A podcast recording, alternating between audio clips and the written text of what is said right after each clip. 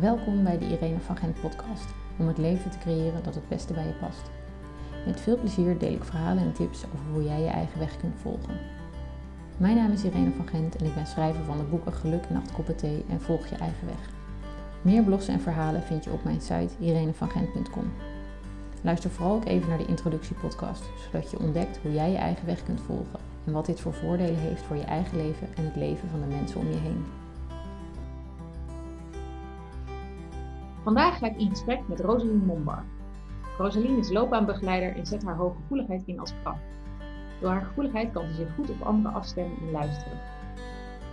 Ze startte haar carrière in de bemiddelingsbranche en werkte daarna zeven jaar in sales. In 2014 startte ze haar opleiding bij het Instituut voor Toegepaste Psychologie, het ITIP, en door deze opleiding kwam ze weer terecht in haar eigen kracht. Ze werkt er steeds meer zichzelf en wordt het elke dag een beetje meer. Zelfontwikkeling boeit haar mateloos, niet alleen bij zichzelf, maar ook bij de ander. Op dit moment begeleidt Rosalie mensen weer te gaan doen waar ze echt gelukkig van worden. Ze stelt haar cliënten vragen over heden, verleden en toekomst. En daardoor komen ze als vanzelf weer uit bij het werk dat ze echt leuk vinden. Als ze dit weten, komen ze weer in beweging en gaan ze solliciteren op de baan die ze echt willen hebben. Rosaline, dankjewel dat je er bent. Dankjewel voor de uitnodiging, Irene. Heel graag gedaan. Kijk uit naar een, eh, naar een leuk gesprek.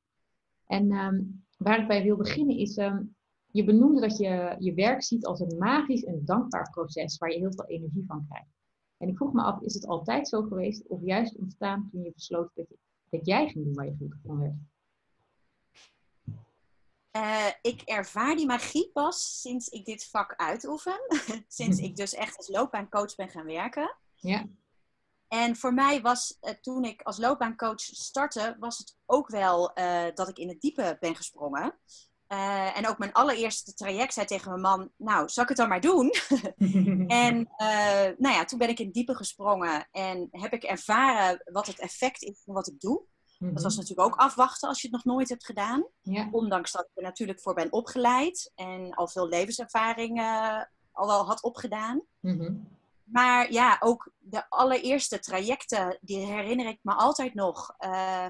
En um, het is altijd weer zo bijzonder om te mogen ervaren dat mensen weer echt gaan doen uh, wat echt bij ze past. En daar ook zelf gewoon tijdens een traject uh, opkomen. Dat ontstaat. En, en, dat is vooral dat het ontstaat. Hè, dat ontstaat tussen ons, samen met de cliënt. Dat is de magie van, uh, van mijn werk. En, dat, en ja, ik, dat, sorry, als ik het nu zeg, dan ik krijg het daar ook echt koud van. Want ik vind het echt magisch. ja. Ja, en hoe komt dat dan? Want het, um, uh, ik noemde al even dat je, dat je um, hooggevoelig bent en je goed kunt afstemmen op de ander. Um, dat, dat creëert misschien al magie, omdat je je zo kunt inleven in de ander. Ja. Maar je, ja. je maakt natuurlijk ook iets los bij de ander. Om echt te gaan voelen van, hé, hey, wat wil ik nou? Ja. En, en hoe... Uh, hoe ontstaat zoiets? Want um, ik ben zelf altijd uh, uh, nou, een groot voorstander geweest van je eigen weg volgen. En ik heb heel erg lang gedacht dat dat alleen maar kon als je ook daadwerkelijk voor jezelf zou beginnen. Dus mm -hmm. um, dat dat niet mogelijk zou zijn in loondienst. Dat is ja. altijd mijn overtuiging geweest, omdat ik het zelf nooit zo heb ervaren. -hmm. um, en in jouw ogen is dat, jij helpt dus mensen om dat echt voor elkaar te krijgen. En dat vind ik ja. wel heel gaaf. Dus, dus, kun je iets over zo'n traject vertellen, wat, wat er dan gebeurt? En ja, wat voor vragen komen mensen bij jou, bij jou binnen? Um, um, nou ja, als ik vertel over het traject. Um, uh, het allereerste gesprek gaat dus over heden, verleden, toekomst. Mhm. Dus ik ga het hebben met iemand over hoe het nu gaat. Um, hoe ze daartoe zijn gekomen om te doen wat ze op dat moment doen. Maar ook uh, uh, hoe ze zijn gekomen tot alle stappen in hun loopbaan. Dus alle functies die ze en alle beroepen die ze al hebben uitgeoefend. Um, waar ze, ja, wat ze leuk vinden en wat ze minder leuk vinden daaraan. Eventueel wat ze goed kunnen en minder goed kunnen. Maar dat vind ik minder belangrijk. Het gaat er vooral om wat iemand leuk vindt. Um, en daar ligt dan ook de focus. Eh, zo doorloop ik dat ook met betrekking tot opleidingen. Van goh, waarom heb je die, voor die opleiding gekozen en wat sprak je daar zo in aan? Maar ook van goh, wat heb je vroeger eigenlijk nog meer overwogen qua opleidingen die je heel erg aanspraken? Ehm, eh, nou, dan merk je dat er soms al dingen in beweging komen, doordat ze weer uh, na gaan denken bij wat vond ik eigenlijk vroeger ook allemaal nog meer leuk om te doen. Um, we gaan het ook hebben over wat vond je als kind altijd al leuk om te doen. Uh, waar hield je vroeger mee, bezig? Wat deed je? Uit wat voor gezin kom je? Wat doen je ouders, broers, zussen eventueel? En we gaan het over hele, daarna ook naar de toekomst kijken. En dan komen wat meer grotere vragen als, nou, wat is jouw droombaan? En hoe ziet jouw droomleven eruit? Maar ook waarin ben jij uniek? En wat zijn jouw kwaliteiten? Wat zijn jouw talenten? Dus hele grote vragen. Mm-hmm.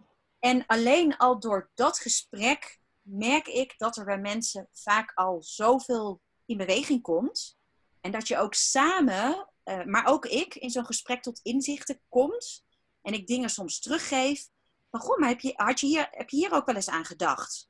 En dan zeggen ze vaak ook, ja, daar heb ik vroeger wel eens aan gedacht, inderdaad. Mhm. Dus het ontstaat echt doordat je samen in gesprek bent. En dat samenstuk, daar, daarin ontstaat uh, uh, heel veel.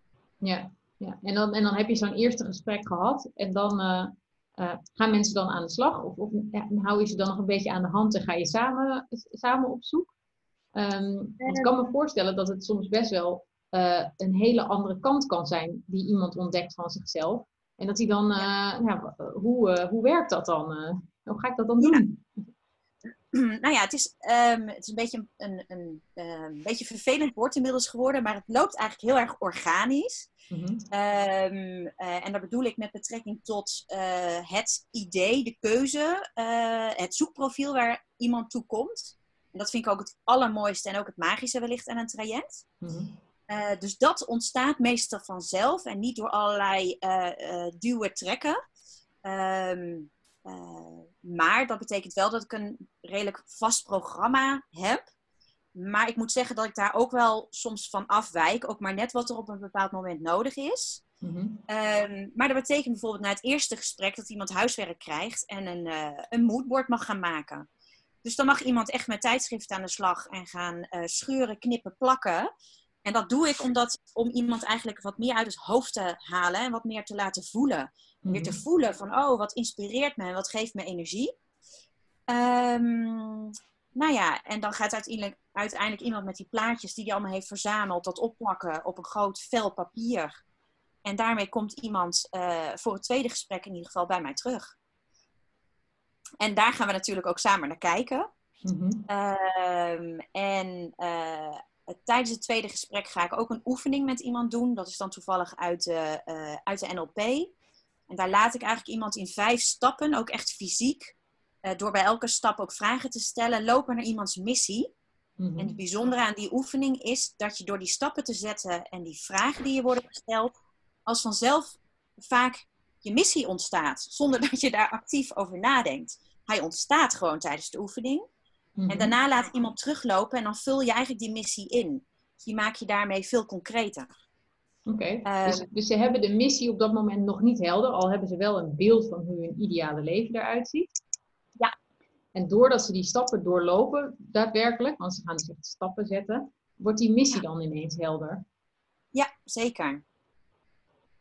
Wat bijzonder. Nou ja, dat, dat ja. is in ieder geval het tweede gesprek. Ja, ja. ja.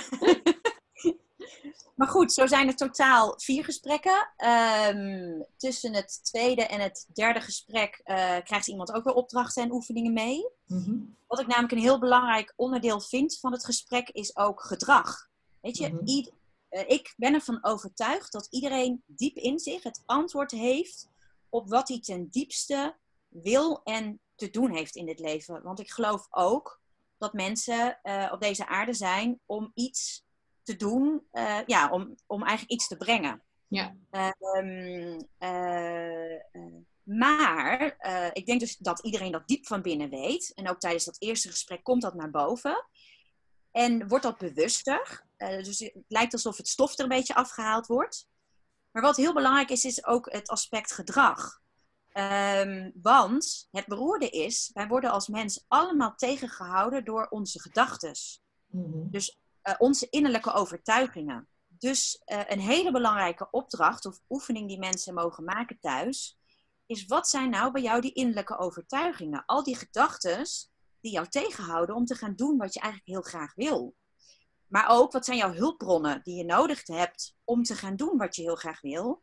En je motivatoren, zeg maar, of je motivators. Mhm.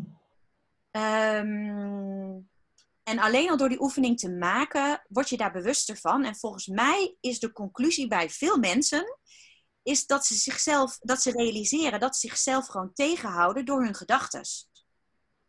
Ehm, en alleen al door die oefening te maken, worden ze zich bewust en helpt dat al om te gaan bewegen richting de baan die ze heel graag willen. En als je het dan hebt over die gedachten, want gedachten zijn bij mij momenteel ook een groot ding, zeg maar. Ik ben enorm bezig met, oké, wat, wat, wat denk ik, maar vooral ook wat zeg ik tegen mezelf. En ehm, ik begin te leren dat eh, je heel sterk je eigen realiteit creëert door de gedachten en de gesprekken die je met jezelf hebt. Ehm, alleen, soms kan een overtuiging zo hardnekkig zijn of er zo ingebrand zijn dat je hem zo erg gelooft. Kijk, ik, ik kan bijvoorbeeld, even, ik doe even een voorbeeld, het is niet helemaal wat ik denk, maar kan, uh, het gaat over geld. Ik kan bijvoorbeeld denken, geld is uh, vies. Um, uh, dat denk ik, oh, oh, dat is niet een gedachte van mij, maar het zou, het zou een overtuiging kunnen zijn waardoor ik geen geld zou verdienen. Maar als, mij, als, als ik zo denk dat dat waar is, hoe kom ik er dan achter dat de gedachten die ik heb eigenlijk gewoon niet waar zijn? Want het zit zo. Snap je wat ik bedoel? Het zit soms Ja, ik- zo diep van binnen dat je echt denkt: dit is waar. Ja, ik snap wat je bedoelt. Ehm, nou ja, eh, eh, wat in principe de bedoeling is tijdens het derde gesprek, is dat we ook echt kijken naar al die gedachten. En ehm, ehm, ja, en ook eh, samen erover hebben van waar komen die gedachten eigenlijk vandaan? Eh, en hoe zou je er ook anders naar kunnen kijken? Mhm. En ik merk dat dat al heel erg helpt om, dat, om er samen over te praten. Om daar wat meer opening in te creëren. En het dus wat iets meer. Dat er wat meer. ehm, ja, als je, het, als je het ontrafelt, komt er vanzelf wat meer lucht. En wordt het wat minder eh, zwaar of eh, worden ze minder sterk, denk ik. Ehm, ja, dus, ja, want soms eh, is het ook wel grappig om naar je eigen overtuigingen te luisteren. Ja, Dat, dat je dan denkt van ja, als, je- als een ander dat zou zeggen dat hij die overtuiging heeft, dan zou je er echt heel hard om lachen. Maar zelf Ja. ben je er dan, zit je er dan zo in dat je denkt, maar dit is echt waar. ja, ja, absoluut. Hoe, Ja. hoe is dat voor jou, voor jou persoonlijk, zeg maar? Heb je, ehm, want ik neem aan dat je zelf dat traject ook door hebt moeten gaan met wat zijn gedachten en hoe, eh, hoe gelden die voor mij? Zeker. Nou, een van mijn gedachten, en die horen ook wel een beetje wellicht binnen mijn familie. Eh een van mijn gedachten was ook, ja, maar dan moet ik eerst een eh, opleiding volgen voor loopbaanadviseur. En dan kan ik het pas worden. Mhm. Dus wij zijn een gezin die heel erg eh, veel waarde hechten aan, aan theorie en opleidingen. Mhm. Terwijl ik natuurlijk in 1999 al ben afgestudeerd als loopbaanadviseur onder andere. En ik was op dat moment zelfs nog bezig met een opleiding bij het eh, eh, ITIP, bij het Instituut voor Toegepaste Integrale Psychologie. Mhm. En toen heb ik ook echt gebruik gemaakt van mijn man als hulpbron. Eh, want die zei, en ook mijn zwager zegt ook altijd tegen mijn zus, ga het nou gewoon doen. Dus op een gegeven moment heb ik dat echt losgelaten en ben ik het gewoon gaan doen. Mhm. En zie ik ook wel steeds meer in, en denk ik ook steeds vaker, ja, maar een opleiding is ook door iemand gemaakt. Weet je, dat is ook door iemand gecreëerd vanuit zijn eh, hoofd- en beeldvorming. Ja. Ehm, dus ik hecht er denk ik nu ook al minder waarde aan, aan een opleiding. Eh, omdat ik het mooie ook zie eh, aan het zelf creëren van, van ehm, dingen. En opdrachten en oefeningen en gesprekken. En dat zie je natuurlijk ook om je heen als je zelfstandig ondernemer bent van andere ondernemers. Mhm. Je kan ook zoveel creëren vanuit jouzelf. Wat natuurlijk ook gebeurt bij mensen die opleidingen eh, eh, geven of aanbieden. Ja. Dus ik, ik heb wel ervaren door het gewoon te gaan doen, dat ik ook daar ehm, die, ehm, daar iets minder zwaar aan hecht. Ja. Of waarde aan toeken. Ja, want een opleiding is ook, ehm, natuurlijk, je gaat inderdaad iets doen wat een ander heeft bedacht. Dus in eerste Ja. instantie ga je dan die weg volgen, totdat je op een gegeven moment denkt, nou, misschien eh, kan ik het toch op mijn eigen manier doen. Dus uiteindelijk komt er een moment dat je het toch op je eigen manier gaat doen. En dan heb je inderdaad al die investeringen in tijd en geld gedaan in een opleiding die een ander bedacht heeft. En ga, kom je alsnog op je eigen pad uit. Dus ik geloof ook wel dat er heel veel in je zit als mens, waarvoor je, eh, sommige dingen kun je, kun je slash moet je leren, eh, als je dat zou willen. Ik bedoel, als je beter in wiskunde wilt worden ehm, en het zit niet in je, dan is het wel handig om er een boek bij te pakken. Maar in dit soort menselijke dingen geloof ik dat we allemaal heel veel wijsheid in ons hebben. Ja, dat geloof ik ook zeker. En als je, Ja. naar- als je want je, w- ehm, we hadden het net even, of je vertelde net even over dat, dat je kijkt naar, ook naar het verleden. Van wat vond je vroeger als kind eh, eh, leuk om te doen? En ehm, die vraag die, die heb ik natuurlijk zelf ook wel regelmatig aan mezelf gesteld. Ehm, ik, bedoel, ik doe ondertussen wat ik echt leuk vind om te doen. Eh, ook, maar dat is ook wel een, een, een zoektocht. Maar als ik kijk wat ik nu doe en wat ik vroeger leuk vond om te doen, weet ik niet of die twee zo dicht bij elkaar liggen. Ik kan het me namelijk echt niet meer herinneren of ik vroeger ook aan het schrijven was. Ja. Ik weet Nou ja, het dat- gewoon echt niet. Nee, maar dat, het hoeft, weet je, de, eh, ik vind soms in het verleden, daar zitten soms echt schatten verborgen. Mhm. Maar dat hoeft natuurlijk niet. Ik vind altijd nog wel een heel mooi voorbeeld dat ik iemand heb begeleid die eh, was biotechnicus. Mhm. Ehm, en we gingen bij haar naar het verleden. En daar kwam uit naar voren dat zij er heel erg van, of dat zij vroeger altijd al heel veel teksten schreef. Dus wat is zij uiteindelijk gaan doen? Zij is eh, als office manager gaan werken, waarbij, daar, waarbij zij ook een stuk eh, teksten weer kon gaan schrijven. Dus een stuk ehm, eh, redactiewerk. Eh, en ze is een opleiding gaan doen eh, op, dat, op dat vlak. Maar dat kwam echt door samen naar haar verleden te kijken, kwam dat weer boven. Ja. En daar zit dan, denk ik ook, als ik zo met jou erover heb, ook een bepaalde. Daar zit dan weer energie. En die energie ga je weer voelen, waardoor je, eh, denk ik, ook weer langzaam die kant op gaat als vanzelf. Ja. Omdat je weer bij die energie komt en je het weer bewust wordt. Ja. Ja. Ja, zo heb ik ook een van mijn eerste cliënten. eh, Die vertelde bijvoorbeeld van nou, ik heb ooit bedrijfskunde gestudeerd, maar ben daarmee gestopt omdat ik heimwee kreeg. Maar door eigenlijk daar samen gewoon over te praten en alles weer een beetje boven te halen van vroeger, eh, is zij weer een studie bedrijfskunde gaan doen.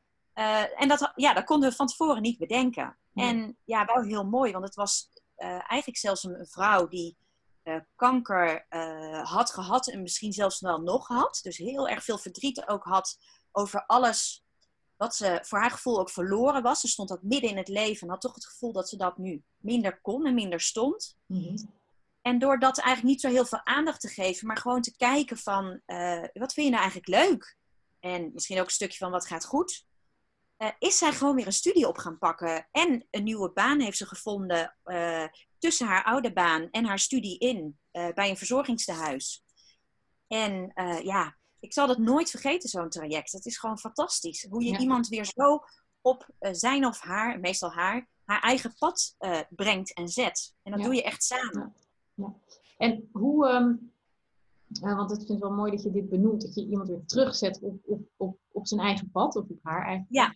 En ehm, het is dus kennelijk heel makkelijk om van dat pad af te raken. Maar wij, Ja. dus, wij delen de overtuiging dat iedereen diep van binnen iets heeft wat hij hier op aarde komt doen. En dat het ook eh, jouw uitnodiging is, of ieder, de uitnodiging aan iedereen is om dat te gaan ontdekken en daar wat mee te gaan doen.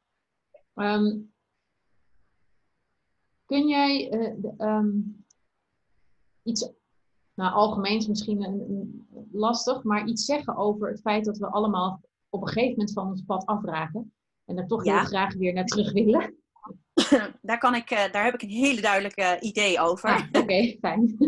Ik, de, ehm, eh, moet ik heel even nadenken hoe ik het precies ga zeggen.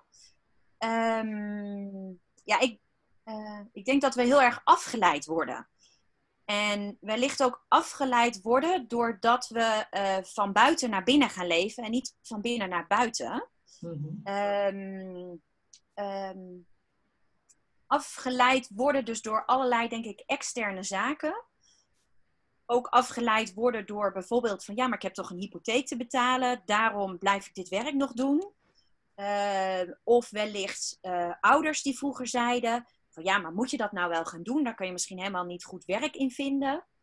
Um, afgeleid worden wellicht door een partner die zegt van joh, zou je dat nou, nou wel doen? Want ja, dat heeft risico ook voor ons inkomen. Uh, dus ja, hoe moet dat dan verder gaan? Um, dus ja, ik, ik, of afgeleid worden doordat we denken, ja, maar in deze baan kan ik goed verdienen en dan heb ik status. Um, uh, of afgeleid worden doordat een baan ons zekerheid biedt en we dus dat andere pad niet durven te bewandelen. Dus ik denk dat we heel erg afgeleid worden door allerlei externe uh, redenen, omstandigheden. Uh, en ik denk dat als we echt naar binnen zouden gaan, dan weten we beter wat we eigenlijk echt heel graag willen en waar ons hart ligt. Waar we misschien zelfs een soort van verdriet bij kunnen voelen omdat we het zo graag willen. En dat vereist, naar mijn idee, of dat kan, dat het uh, vraagt van je om naar binnen te gaan. En soms ook vaker, en dat geldt misschien niet voor iedereen, maar om de stilte op te zoeken. Uh, omdat je ja, daarbij wellicht ook beter kan samenvallen met jezelf. Ja, ja. Het is ook afleiding door alles om ons heen, waarvan we misschien ook denken dat, het, dat we het nodig hebben of hoort. Of misschien, ja, dus of misschien niet durven anders te zijn. En dus durven onze innerlijke stem te volgen. Ja, ja. ja dat herken ik ook wel. En, en wat ik, ehm, terwijl je dit vertelt, want ik, ik, ik volg je helemaal in dit, uh, in dit verhaal, is zit ik te denken, worden we niet al veel eerder afgeleid? Namelijk op het moment dat we bijvoorbeeld een studiekeuze moeten maken. Als ik naar mezelf kijk, dan um, uh, de keuze voor mijn studie, uh, en dat heb ik denk ik al op veel andere plekken ook wel gedeeld, um, is, ging als volgt. Um, er waren twee, ik, ik was net 17 geworden. Of nou, op het moment dat ik moest kiezen was ik denk ik nog 16, dus ik was hartstikke jong. maar ik had één wens en dat was uh, uit huis. Want ik wilde het dorp uit waar ik woonde, want daar voelde ik me niet op mijn plek. Dus het, het allerbelangrijkste was dat de studie zo ver weg was dat ik niet meer thuis kon blijven wonen. Um, en uh, het tweede was dat ik iets ging doen waarvan uh, uh, nou, mijn moeder zei: Ja, jij moet journalistiek gaan studeren. En ik zei: Ja, als mijn moeder het zegt, dan doe ik het dus mooi niet. Want ik was natuurlijk nog hartstikke aan het puberen, dus ik ging iets anders doen. Um, en tegelijkertijd heeft die studie. Ik ging toen communicatie studeren, communicatiemanagement. hartstikke leuk. Maar de banen die ik daarbij zou krijgen, zouden inderdaad banen zijn met, hoe noem je dat? Ehm, aanzien, eh, eh, geld verdienen. Eh, ja, ik kon bij grote bedrijven gaan werken en al dat soort dingen. Dus dat was allemaal stoer. Uh, ik, ik, was lid van een studentenvereniging, dus daar gebeurde van alles, weet je wel. Dus ook daarin, het, is al, het begint al zo vroeg eigenlijk, dat je inderdaad wordt afgeleid. En, en hoe zouden we, nou, ik, heb de antwoord, ik denk dat ik het antwoord heb van, hoe zou je nou kunnen zorgen dat je al wat op jongere leeftijd die stilte kunnen zoeken? Want Anders ben je, zoals, weet je, kom je op je 40ste of op je 35ste erachter dat je denkt, oh, ik zit op de verkeerde weg. En nu? Het zou zo fijn zijn als we daar wat eerder mee beginnen. Klopt. Hoewel ik niet altijd denk dat de keuzes die je dan maakt, die misschien niet helemaal uh, de, de weg uiteindelijk gaan zijn, dat die keuzes fout hoeven te zijn. Want ik, ik heb zelf ervaren, dus ik, mogelijk is dat dus ook zo in algemene zin, maar dat weet ik natuurlijk niet door als je gaat doen wat je diep van binnen al heel lang wilde doen, en dat is voor mij loopbaancoach. En als ik dan, voor mij is nu het moment dat ik, als ik terugkijk op mijn loopbaan en op alle keuzes die ik uh, uh, daartoe heb gemaakt, uh, dan denk ik ook, oh, ik zie nu de rode lijn en ik snap nu waarom ik al die stappen heb gezet om te komen waar ik nu sta. Mm Um, ik wilde al loopbaancoach worden uh, toen ik van school kwam. Maar ik vind ook dat je als loopbaancoach een bepaalde ervaring moet hebben. Volgens mij heb ik altijd in mijn hoofd gehad dat een leeftijd van zo rond de 40 of vanaf 40, dat dat een mooie leeftijd is. Mm -hmm. En als ik nu terugkijk en denk, oh, ik heb uh, dus ook binnen de sales gewerkt en ik heb bij de arbeids binnen de arbeidsbemiddeling gewerkt, dan denk ik van ja, dat zijn hele zinnige banen geweest om te komen waar ik nu sta. Dus ik denk ook wel dat het soms nodig is om die weg te gaan, om uiteindelijk ook te kunnen doen wat je diep van binnen eh, heel graag wil doen. Dus daar is wellicht soms ook even wat uh, voor nodig uh, en wat levenservaring voor nodig om te kunnen doen wat je diep van binnen wil, omdat dat misschien ook niet altijd het juiste moment is als je gelijk van school komt. Dan sta je ook nog niet waar je op latere leeftijd staat en dan ben je ook wellicht er meer klaar voor. Ja, ja. Mee eens. Want je neemt natuurlijk, ik bedoel, je komt ergens omdat je bepaalde keuzes maakt gedurende je leven. Ik bedoel, dat zal iedereen beamen. Want ja, je, je komt gewoon van alles nog wat tegen op je weg. En daar zeg je ja of nee tegen. En een keuze is nooit een verkeerde keuze als je hem überhaupt een keuze maakt. Maar um, ja, ik kan me wel voorstellen dat sommigen, zoals ik zelf, nogal een omweg maken naar, naar daar, waar ze, daar waar je echt wilt zijn. En dan kan het soms, en, en ik bedoel, na uh, jaren op de weg naar bewustwording gaat, wordt dat gevoel ook minder. Dat je zo'n gevoel hebt van, oh, had ik nou maar eerder. Uh, ja. uh, totdat je denkt, oké, okay, ik accepteer dat dit is wat het is en dat dit de weg was die ik moest bewandelen om te komen waar ik nu ben. Ik bedoel, ik, over vijf jaar kun je weer een andere behoefte hebben. Ja. En dan ga je daar weer achteraan. Ja, ik kan me wel voorstellen bij de huidige millennials dat die wellicht daar ook al verder in zijn dan wij. Als ik terugdenk aan een gesprek die ik heb, eh, of een traject die ik heb doorlopen met een vrouw of meisje van 24. Mm-hmm.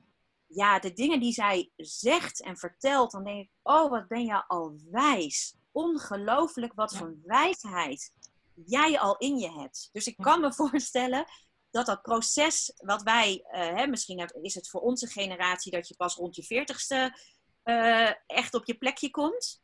Wellicht dat dat voor millennials al eerder gebeurt. En dat zij ook al eerder uh, wellicht, en dat is volgens mij ook zo, in die struggle komen van ja, maar is, hè, dat schijnt volgens mij rond de dertigste te zijn voor millennials nu. nu dat ze al eerder uh, in die struggle komen van ja, maar is dit het leven wat ik eigenlijk wel echt wil en wat bij me past en waar ik gelukkig van word?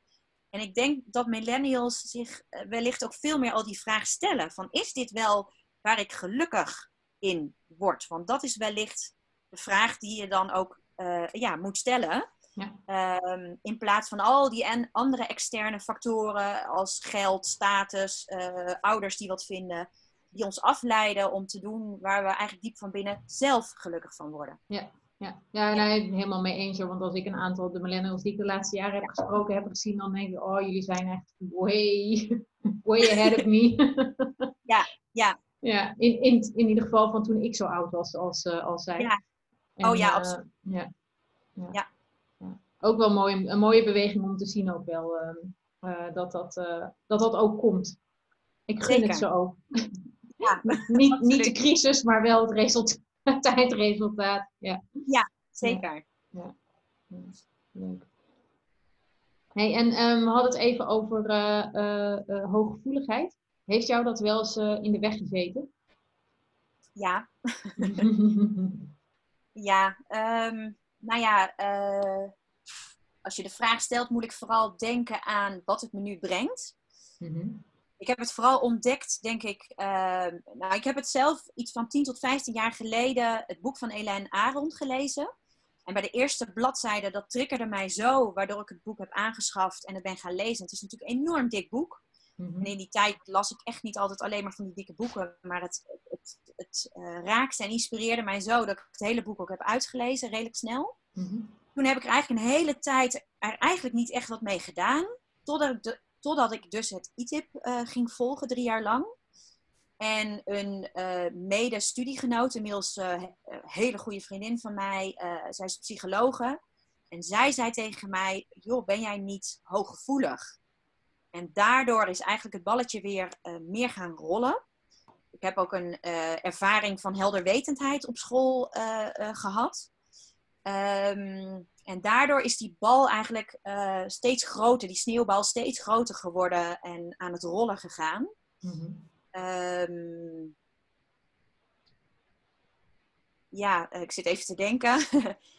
um, en ik kom denk ik nu in mijn leven steeds meer mensen tegen die het ook zijn of die het stimuleren in mij. Uh, in mijn werk uh, komen denk ik heel veel cliënten die ook hooggevoelig zijn zonder dat ik dat al bewust aantrok. Mhm. Eh, dus het wordt steeds meer, zonder dat ik dat zelf bewust doe, steeds meer vergroot in mijn leven. Ja. Dat ik, ja, ik trek het steeds meer aan. Ja. ja. En je ziet het dus ook... Hm? Je bent niet... Sorry, ik ben niet een persoon, net als die studiegenoot, een, een goede vriendin van mij, die ook heel snel het zou zeggen van mezelf. Mhm. Maar ik kom er bijna niet meer onderuit. ja, ja, dat herken ik ook wel. Het is wel grappig, want dat wat jij met dat boek van Elaine Aron had, dat had ik ook. En ik heb hem ook ongeveer tien jaar geleden gelezen. En het daarna ook, weg, en het daarna ook weggelegd. Dat ik dacht, ja, als het zo'n drama is, dan wil ik er niet... Uh, ik wil het niet als probleem zien. Dus laat ik maar gewoon doorgaan met hoe ik altijd bezig was. En dan komt het vanzelf wel een keer goed. Dat ging dus niet. En nee. toen ging die hele berg open van, oké, nou ja, die gevoeligheid laat ik die dan maar eens inderdaad gaan inzetten en kijken wat er dan, wat er dan ontstaat. En, uh, en ik kon me dus ook heel erg vinden, zeg maar persoonlijk vinden, in jouw omschrijving van wie je bent en in alle kenmerken die je benoemde. Zo van, oh ja, dat heb ik ook, dat heb ik ook. Heel grappig om die, die uh, is toch duidelijke kenmerken van, van deels extravert zijn en, en aan de andere kant hooggevoelig zijn. Dus dat je dus communicatief heel sterk bent. En dat je ook heel erg die behoefte hebt om naar binnen te gaan. En echt te denken, nou jongens, het is echt even goed nu. En die, die, die vind ik soms heel lastig met elkaar te verenigen. Ik vind denk ik het allermoeilijkste, want je zei van hè, hoe, in welke zin ben je er ook tegen aangelopen, was volgens mij net je vraag. Ja. Het allermoeilijkste eraan vind ik, denk ik, en daar word ik steeds beter in, maar dat is ook nog niet eens zo heel erg lang. Mhm. En dat komt ook door, het, uh, uh, door mijn baan en ook door de samenwerking die ik nu aan ben gegaan. Het allermoeilijkste vind ik dat ik me, denk ik, anders voel dan anderen. Uh, dan uh, mensen in het algemeen. Mm -hmm. uh, en dat vind ik denk ik het allermoeilijkste aan hooggevoelig zijn. Ja. En het grappige vond ik, wat ik toevallig was ik dat vandaag, ik was een stuk aan het schrijven en dat ging daarover, over je anders voelen. En toen dacht ik, maar er komen steeds meer mensen die zich net zo voelen als wij. Dus eigenlijk, weet je, hoeveel mensen voelen zich anders dan ik? Ik weet, Weet je? het is heel gekke. Je voelt je wel anders dan anderen. Want oh, ik kan in een groep zitten met mensen dat ik denk, ja, hoezo voelen jullie dit niet wat hier nu gebeurt? Of uh, dat ik iets ervaar en dat ik denk, maar waarom heeft de rest van de wereld niet ditzelfde gevoel? Um, en toch komen er steeds meer mensen die, die ook hooggevoelig zijn en die, en die, die, die ook die kant van zichzelf ook durven laten zien en, en tonen. Dus misschien dat de wereld wel steeds groter wordt en dat we ons als hooggevoeligen wel allemaal hetzelfde voelen. nou ja, wat ik ook, wat ik ook kan voorstellen is uh, dat heel veel mensen het misschien nog niet zo van zichzelf weten. Of het niet laten zien, zoals ik dat zelf eigenlijk ook nooit zo heb gedaan. Mhm. Waardoor je het ook niet zo weet van elkaar. Ja. En, en, als je echt bewust, ik bedoel, ik volg nu uh, uh, een opleiding intuïtieve ontwikkeling bij Jolanda Hoogkamer hè, van mhm. With Joy, waar ik mee samenwerk. Ja. En dan, uh, dat is, uh, volg ik, die opleiding is voor hooggevoelige mensen, of vertrekt in ieder geval hooggevoelige mensen aan. Mhm. Ja, dan is het ook zo fijn dat je gewoon met eensgezinde uh, vrouwen, in dit geval, een groep deelt en elkaar zo goed begrijpt en veel dingen van elkaar herkent. Maar wellicht als ik hun in het dagelijks leven had ontmoet, dat ik wellicht dat ook niet herkend had bij hun, als ze dat niet zo open en bloot hadden laten zien. Ja, ja. Ja, en het grappige vind ik ook wel, ik zit, ik zit zelf in een, in een netwerk met vrouwen die um, uh, allemaal extreem hooggevoelig zijn, um, maar het eigenlijk ook nooit zo benoemd hebben. Meer als um, uh, ik heb een goede verbinding met mijn, met mijn, mijn innerlijke stem en met het universum. En uh, dus daar gaat het wel over. Maar ik hoor in die groep nooit het woord hooggevoeligheid, terwijl ze het allemaal zijn. Ja. Dus, dus, dus dat is inderdaad ook, het is maar net hoe je het benoemt. Um, maar wat ik toen, om even terug te komen op dat boek van Elaine Aron en, en de ontdekking van mijn hooggevoeligheid, was dat ik inderdaad heel veel herkenning vond in dat boek. Maar hoe meer ik er op dat moment over ging lezen, was, werd het, was het meer als een soort van: je hebt een probleem, dan je hebt een superpower. Uh, en dat, en da, daar begin ik nu steeds meer te ontdekken. Dat die gevoeligheid dus gewoon echt een kracht is. En dat je daar um, uh, mensen mee kunt raken, maar daar ook veel meer vanuit je intuïtie kunt ondernemen. Ik denk dat dat, ja, dat is mijn grootste winst op dit moment. Uh. Ja, nou, die, die herken ik ook uh, heel erg. Um, want dit is eigenlijk de eerste baan waarin ik me echt voel samenvallen met wie ik ben. En zeker ook met mijn hoge gevoeligheid. omdat ik ehm, ja, ervaar, uh, merk dat ik me goed kan afstemmen op mensen. Uh, en dus ook inzichten, hè, uh, inzichten krijg die enorm aansluiten bij die persoon. Want die, die deel ik dan ook. Dus ik maak echt gebruik ook van mijn intuïtie en wat me binnenvalt. En dat benoem ik dus ook. En dan zeggen mensen ook altijd, ja, dat is inderdaad ook waar ik aan heb gedacht. Of ja, daar heb ik vroeger ook wel eens aan gedacht. Dus dan merk ik echt hoeveel ik heb aan mijn um, helderwetendheid, mijn gevoeligheid, het afstemmen, het kunnen luisteren. Want luisteren uh, ben ik van overtuigd dat je daar ook allerlei lagen in hebt. En dat je ook ja, diep luisteren hebt. En ook um, ja, en door ook alleen al 100% aanwezig te zijn in een gesprek met iemand, alleen al daardoor ontstaat er van alles uh, bij de ander. Um, maar ik weet ook van cliënten dat ze zich heel um, snel vertrouwd voelen. Dat ze zich gezien en gehoord voelen en gerespecteerd. En ik denk ja, dat dat ook wellicht komt doordat ik hooggevoelig ben. En dat dat in ieder geval heel belangrijk ook is in mijn gesprekken. Dat iemand er ook helemaal volledig durft te zijn, waardoor alles er ook volledig is. En waardoor ook uh, alles meegenomen wordt in het proces om tot uiteindelijk dat zoekprofiel te komen. Ja. ja. Dat is ook geen hoofdelijk iets. Dat is ook, um, ja, nee, dat is geen hoofdelijk iets. En zo wil ik het ook zeker niet aanvliegen. En dat uh, doet mij ook denken aan, uh, aan opleidingen, het volgen van opleidingen hiervoor. Ik heb het toen met mijn zuster over gehad. Zij is ook loopbaanbegeleider, dus het lijkt ook in onze genen te zitten. Zij mhm. heeft uh, een opleiding bij de Baak gevolgd. En um, toen zei ik ook van, joh, wat heeft je dat gebracht? En zou je dat mij ook adviseren? En toen zei ze ook, het volgen van een opleiding kan je soms ook in de weg zitten. Niet dat het haar in de weg zit, maar uh, je krijgt allerlei theorieën natuurlijk mee en allerlei methodieken die je soms ook meer in je hoofd brengen. En uh, die het soms allemaal wat um, uh, hoekiger maken. Terwijl ik denk dat het ook heel erg belangrijk is om ook daarin op je intuïtie en je gevoel te vertrouwen en te vertrouwen op wat er op dat moment in een gesprek ontstaat. En een theorie en een methodiek kan je daar soms van wegbrengen en dat is een, kan een gevaar zijn. En een trainer van het ITEP heeft heel mooi gezegd op een uh, filmpje. zij denkt dat een goede coach iemand is die het ten volste voorleeft.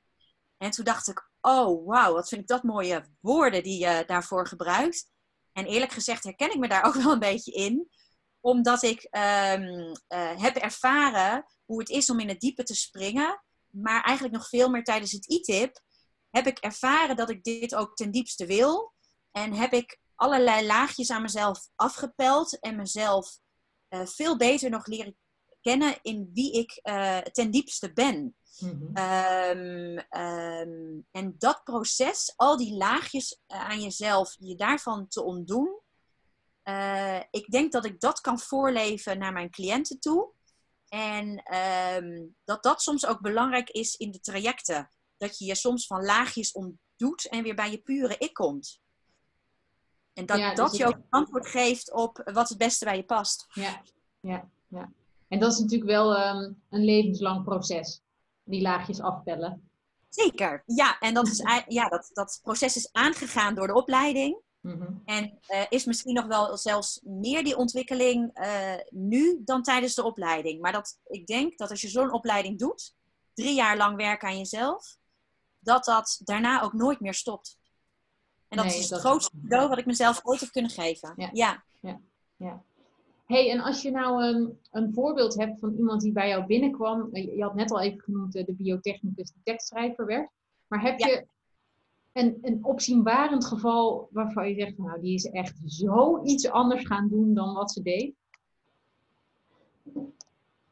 Uh, ik, ik, weet niet meteen van, oh, maar dat is, de, dat is een enorm groot verschil. Maar wat me wel te binnen schiet is een onderwijsassistente die interieurstylist is geworden is op zich ook wel een verschil. Ja, ja.